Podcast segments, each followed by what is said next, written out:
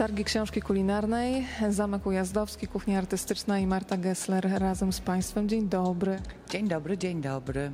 Blogujemy, tak sobie pomyślałam, że blogujemy, jemy, delektujemy, dzielimy się, podsycamy apetyt, więc chciałam Cię zapytać o blogi, które są w centrum zainteresowania podczas tegorocznej edycji.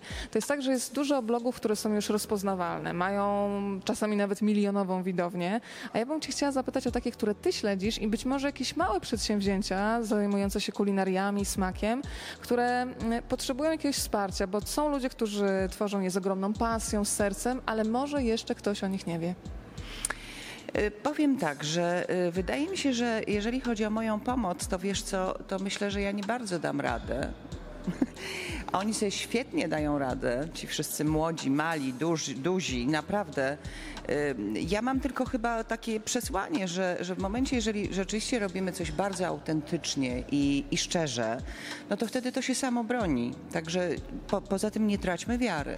Oczywiście media te współczesne y, są brutalne czasami i ostre i eliminujące, ale te blogi, które odniosły sukces, to są blogi, w których widać wielki wkład y, pracy, też y, gromadzenia przedmiotów, bo wyobraźmy sobie, że robiąc te sesje zdjęciowe, właściwie każdy talerz jest inny, każda łyżeczka, więc ci ludzie muszą rzeczywiście nadreptać się, żeby znaleźć te przedmioty, znaleźć przepis, więc ja uważam, że y, to co dobre zawsze się obroni i dlatego nie, nie traćmy nadziei, pracujmy i, i starajmy się tworzyć to najlepiej jak potrafimy.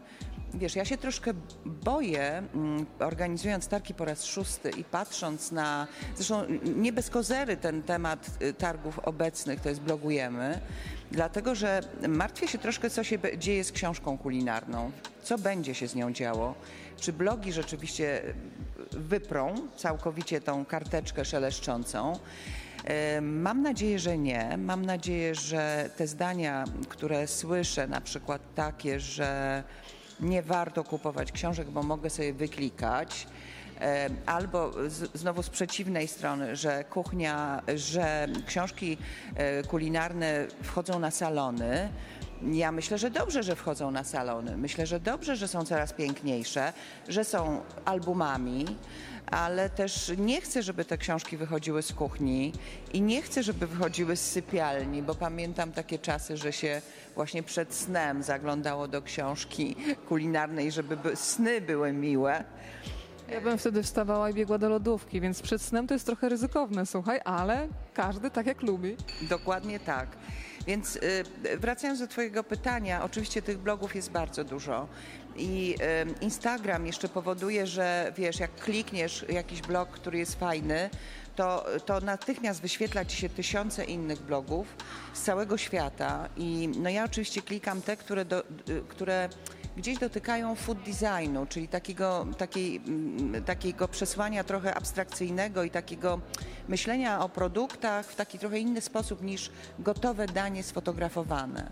Ale wiesz, że ja ci nie pozwolę, żebyś mówiła jak polityk dookoła, dookoła, dookoła. Ja chcę jakiś konkretny adres albo trzy najlepiej. Tam, gdzie te, które klikasz albo oglądasz. Ja na przykład już powiedziałam Elisce e, Murawskiej, że e, śledzę na Instagramie zawsze jej e, white plate i zawsze się pytam, czy mnie zaadoptują do rodziny, bo po prostu ja jak patrzę, to mam ochotę wejść w tą przestrzeń, zjeść kawałek tej kruszonki, która gdzieś tam jest na talerzu.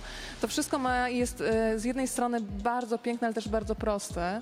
E, to jest taka przestrzeń, w której ja bym się chciała bardzo zadomowić, więc zastanawiam się, które ty profile instagramowe czy facebookowe śledzisz i coś, co jest dla ciebie autentyczną przyjemnością. No ja mam, wiesz, no na szczęście ja mam dwie nogi, dwie ręce i, i, mogę śledzić dwa nurty, czyli jeden nurt to jest nurt e, kwiatowy, czyli śledzę różne y, kwiaciarnie z całego świata.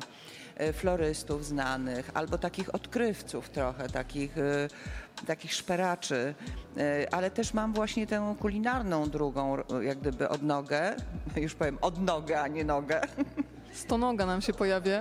Tak, które też śledzę i tego jest bardzo dużo. Ja odsyłam na swój Instagram. Sprytnie, to jest marketingowo świetne zagranie, to co teraz zrobiłaś. Bardzo proszę, kontynuujmy. Odsyłam na swój Instagram e, warsztat Woni i kuchnia artystyczna i tam naprawdę jak e, wejdziecie i w taką e, zakładeczkę, co ja lubię, to tam wam się wszystko wyświetli i naprawdę to jest otwarte. Więc to nie o to chodzi, że ja chcę zamknąć, tylko po prostu chcę, żebyście prześledzili mój sposób myślenia.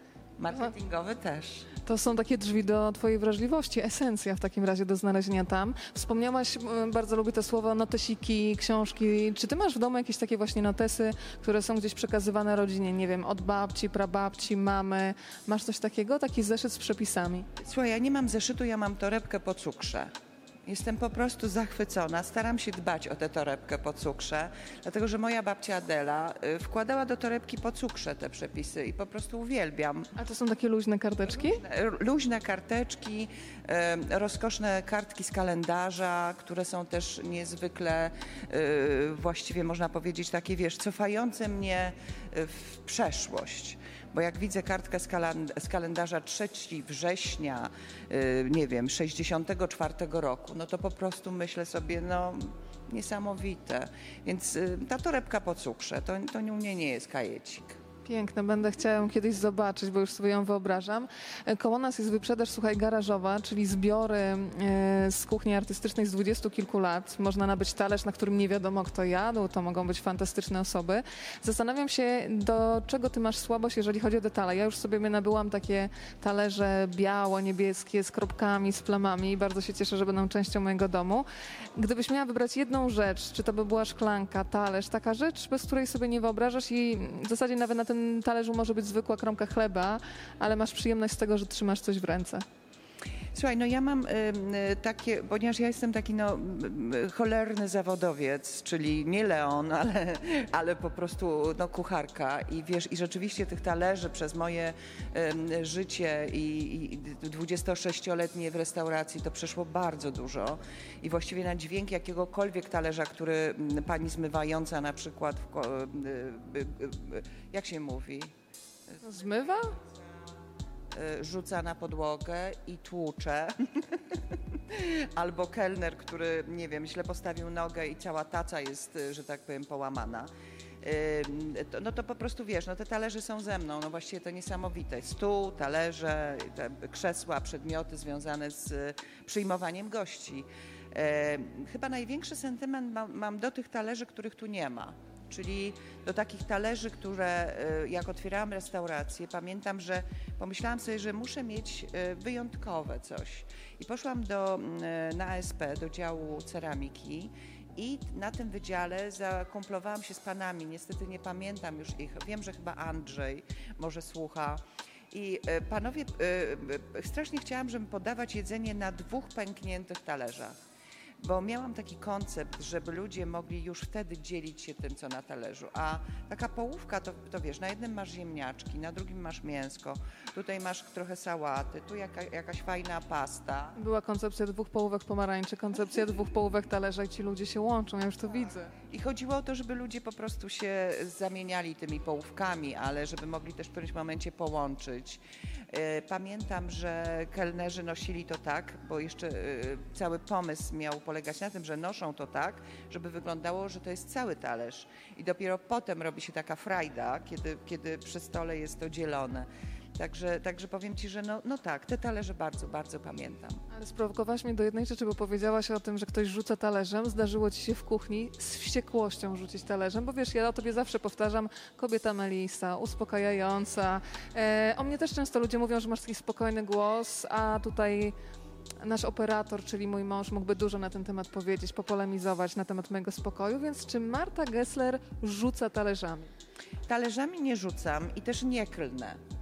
Właśnie też złapałam się na tym, że słabo u mnie z takim ostrym przekleństwem. Muszę się tego nauczyć.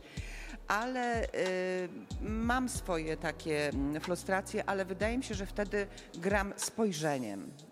Po prostu. Ostrym, wyraźnym spojrzeniem i pewnym wycofaniem. Także wiesz, po prostu są różne metody i myślę, że ci, którzy ze mną pracują albo żyją, to po prostu wiedzą o co chodzi. Chodzi o takie pewne spojrzenie, wiesz? To na koniec się zapytam o ludzi, których niedawno odkryłaś i którzy ci po prostu smakują. Bo to jest takie miejsce, podczas którego się wymienia różne smaki, te smaki ludzkie. Kogo ostatnio odkryłaś, jakieś spotkanie, krótka rozmowa, ale nagle otworzyły się kolejne drzwi i poczułaś, że sobie z tego człowieka też złożysz jakiś fragment swojej wrażliwości. Bo ja mówię, że my jesteśmy poskładani z takich różnych puzli. Tak. Powiem Ci, że to była dziennikarka, młoda dziennikarka, która y, y, przysz, y, przyszła do mnie, żeby nakręcić właśnie króciutki film. Ale w trakcie rozmowy powiedziała mi, że to będzie trwało em, trzy minuty. Trzy minuty. Pomyślałam sobie, kurczę, nie jestem w stanie się tak skon, skondensować, żeby, żeby opowiedzieć o sobie w trzech minutach. I na szczęście miałyśmy trochę czasu i, em, i ona zaczęła ze mną rozmawiać ja jej się dzielę właśnie tym, że ja strasznie mam trudno, że ja mogę wybrać coś jednego, żeby opowiedzieć, ale trudno mi jest opowiedzieć o wszystkim, o, o mojej historii w tak krótkim czasie. I wiesz, i doszliśmy do wniosku, że brakuje nam takiego wyrazu, które by mogło e, określić to, co ja robię i co zrobiłam, żeby to nie chodziło o przeszłość, ani o teraźniejszość, ani o przyszłość. I zaczęłyśmy wokół tego e, rozmowę, grzebanie i myślę, że bardzo dużo się można nauczyć właśnie z rozmów. Także rozmawiam, bo lubię, już wiem o co chodzi. Ona naprawdę to tak sprytnie wszystko tutaj wplata, w ogóle bezinwazyjnie. Naprawdę, naprawdę to jest niesamowite, że, że ludzie, wiesz, jak zaczynasz mm, nie bronić się przed rozmową, tylko ją chłonąć, bo często bronimy się, że często myślimy, że ludzie y, chcą nas do czegoś przekonać, zmienić nas, czy, czy zaproponować jakieś, wiesz, no, rozwiązania dla nas najlepsze. A wystarczy, żebyśmy słuchali tych ludzi, bo, bo wcale może nie o to chodzić. Może chodzić o to, żeby znaleźć odpowiedni wyraz. Do zasłuchania jeden krok, czyli prawie do zakochania jeden krok. Marta Gessler dzisiaj była razem z Państwem. Marta Gessler-Melisa. Melisa, tak.